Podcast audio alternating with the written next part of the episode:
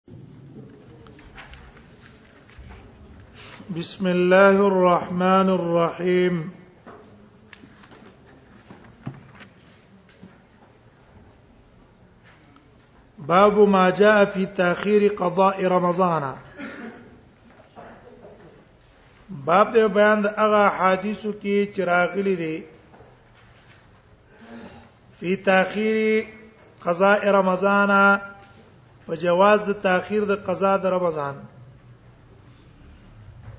یو زنانه دا هغه د رمضان روزي د حیض د وجې نه وخړې یا د نفاس د وجې نه وخړې یا د بل عذر د وجې نه وخړې نو په دې باندې قضا علی الفور لازم نه ده بلکې په ټول کال کې چې څو وخت د دې خوخه شوا قضا دغه کولای شي کوم علما چې قضا علی الفور ویل دا نو قول کمزور دی دیو جن جمهور قول هم دقه دی چې قضا علی الفور په لازم نه ده ها علی الفور له بهتره ده ولې د مرګ پته نه لګي خو لازم پنه ده وبي قال سنه قتيبة قال سنه ابو عوان عن اسماعيل السدي عن عبد الله البهي عن عائشه عائشه رضي الله عنها روایت قالت دا وای ما كنت اقضي ما يكون علي نو مزه چې ما قضا راوړې ما يكون علي من رمضان هغه روزي چې په ما باندې به لازم وي د رمضان نه مانه د حیض د وجنه مانه به کومه روزي پاتې شوی وي رمضان کې نو دا غي قضا به من شور اوړل الا فی شعبان مگر په شعبان کې شعبان کې ولې دي قضا راوړه ځکه رسول الله به اکثر په شعبان کې روزي نیولې نور اوقاتو کې بدا دا غي قضا ته وزګار نه و نو په شعبان کې به قضا راوړه حتا توفي رسول الله صلی الله علیه وسلم نو تر دې چې نبی سم وفات شو نو چې نبی سم وفات شو نو بیا په نبی سم مشغوله نه وکنه نو سم دوه عربه به پسیرستو قضا زر راوړه تاخير به وته نه کاو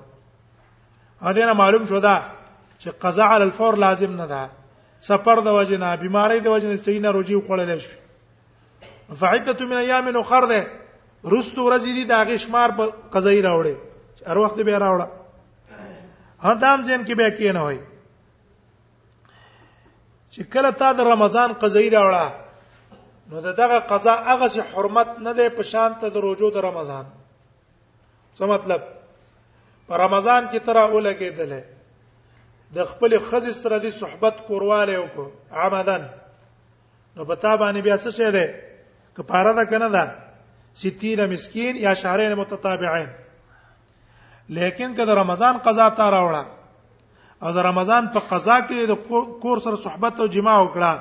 نو پای کې کفاره نشته صرف قضا د دقیق ورځې دا احترام چې کوم دی دا د څه وجه نه دی د رمضان د وجه نه ده او د قضا غسی بیان ده نزين کې کې نه وای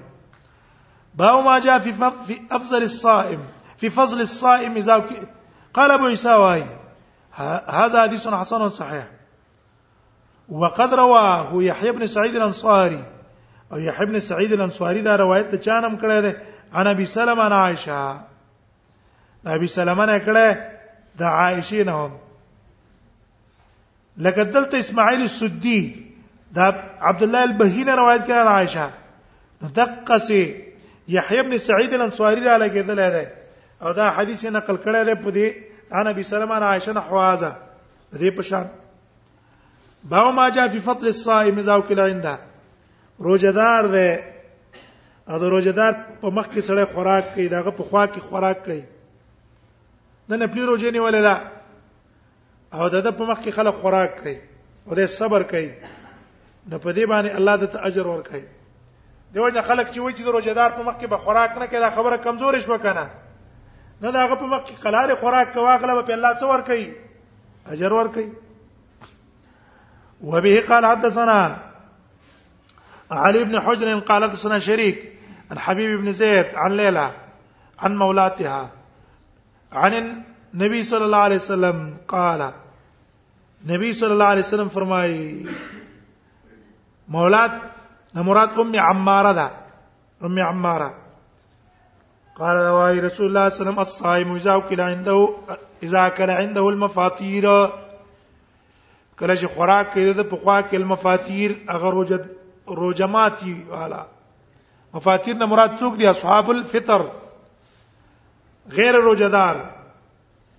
چې هغه د په مخ کې خوراک کین نو صلت علیه الملائکه دعا د رحمت کوي دته ملائک ملائک دته څه کوي دعا د رحمت ته کوي صلت علیه الملائکه دعا د رحمت بکې دته ملائک قال ابو اسحاق وروى شعبة هذا الحديث عن حبيب بن زيد عن جدتي ام عمار عن النبي صلى الله عليه وسلم نحوه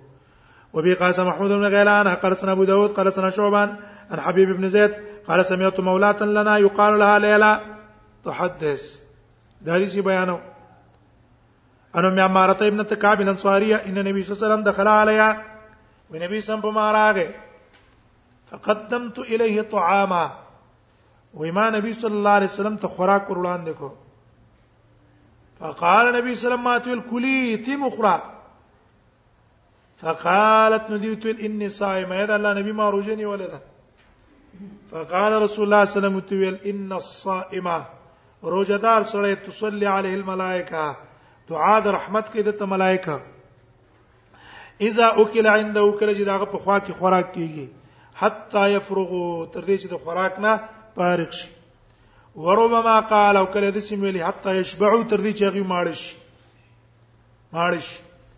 وبي قال سنا ابو ابو عيسى هذا حديث حسن صحيح وهو اصح من حديث شريك او دا اصح دی د حدیث د شریک نه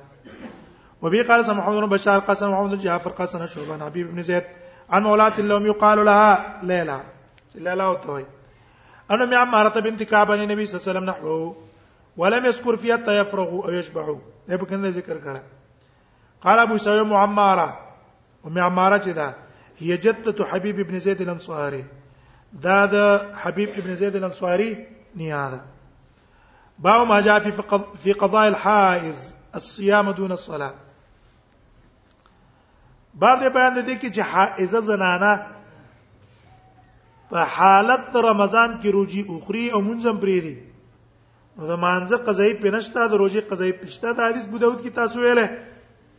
چې الحائض تقضي صلاتها لا تقضي صلاتها دون الصلاه وبي قاسم ابن حجر قال سنن ابن مسر انا بيد تان ابراهيم بن اسود عن عائشه عائشه واي كنا نحيز عند رسول الله صلى الله عليه وسلم د نبی صلی الله علیه وسلم په خوا کې مونږ باندې حیز راتلو عندنا معلوم شو دا چې رسول الله په خبرې دوم ځکه د نبی سم په کور کې بیا نه دي دا کې دې نشي چې په دې د حیز راضي مونږ نه کوي رسول الله دې په نه خبرې کی وې دا وراتللو اسومنه ثر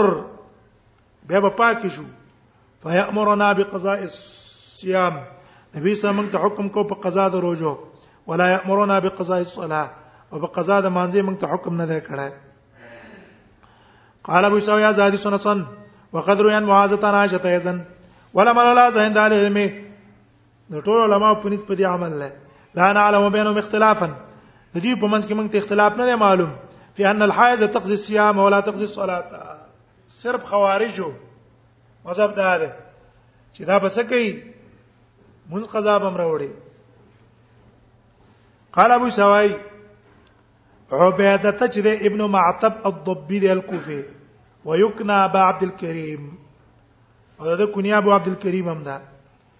باو ما جاء فی کراهیت مبالغه الاستنشاق للصائم باب ته بیان د کراهیت د مبالغه د استنشاق د پاره د روزدار لړې روزداري او هغه پوزي توبه چي زره پردا مکروه ده ولی خطر ده د اوبو تیرېدلو او د روزي ماته دلو اما حدیث د لقیت ابن سبیره راوړي ابو داود کې مې لري باب الاستنشاق کې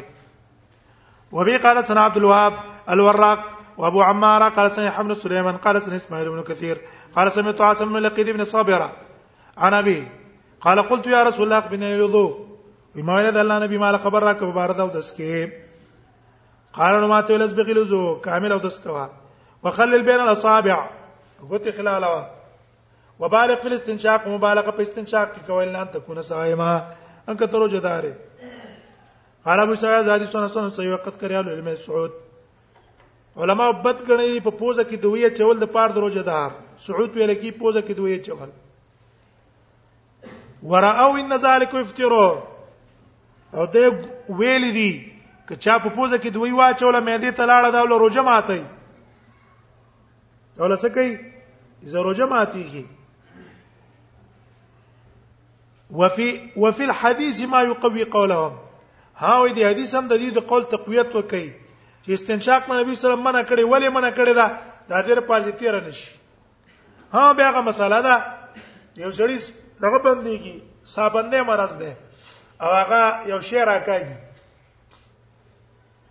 د دې لپاره چې را سینې کولاوش پروژه کې اختلاف ته د علما او راجح دار چې په غیر جنماتي دغه دا د قبيله د ماکولات او مشروبات نه نه دی صرف هوا ده څه شه ده هغه هوا ده هوا راجح علما فتوا په دې ور کړه په دې نه ماتي ځکه کاغرانه کاږي غریب ته تکلیف ته حساب بندي والا تا او یا به روزه خوري او کاغرا کاږي له گزاره کیږي نو سید هغه د خوراک او سکاک په ځای کار نه ور کوي باو ما جاء فی من نظل بقوم باو دې بیان دې کې سړی چا کمل مشي نو فلا يصوم الا باذنهم روزه باندې نشي مګر داغه په اجازه ته چا کمل مشوي نو که روزه نشي داغه اجازه وغواړه ځکه هغه ته تکلیف ده کنه تکلیف ده وبي قاسم سر معاذ لقدي البصري قال سنا ابن واقد الكوفي عن شام بن عروه عن ابي عائشه قال قال رسول الله صلى الله عليه وسلم نزل على قوم فلا يصومن تطوعا نه باندې سینې په روزه مګر دا غي پیژن ولې ته پیشنمه کې هغه ته تکلیف ده نو هغه د تب ویل چې ټیک ده نه مینې څه هغه په ترتیب بچلېږي قال ابي سعيد زادي سمون کر لا نعرف احد من الثقات رواز الذي سن هشام بن عروه چې داغه نه نقل کړي وقد روى موسى بن داود عن بكر المديني عن هشام بن عروه عن ابي انا عائشه عن النبي صلى الله عليه وسلم نحو من هذا وهذا حديث ضعيف ايضا ولی ابو بکر ضعیف نه دی حدیث ده او بکر المدینی الذي روان جابر ابن عبد الله د دینم فضل ابن مبشر ده او اوثق من هذا دی بن لک قوی ده او اقدم او دنه مخکې تیر شوی ده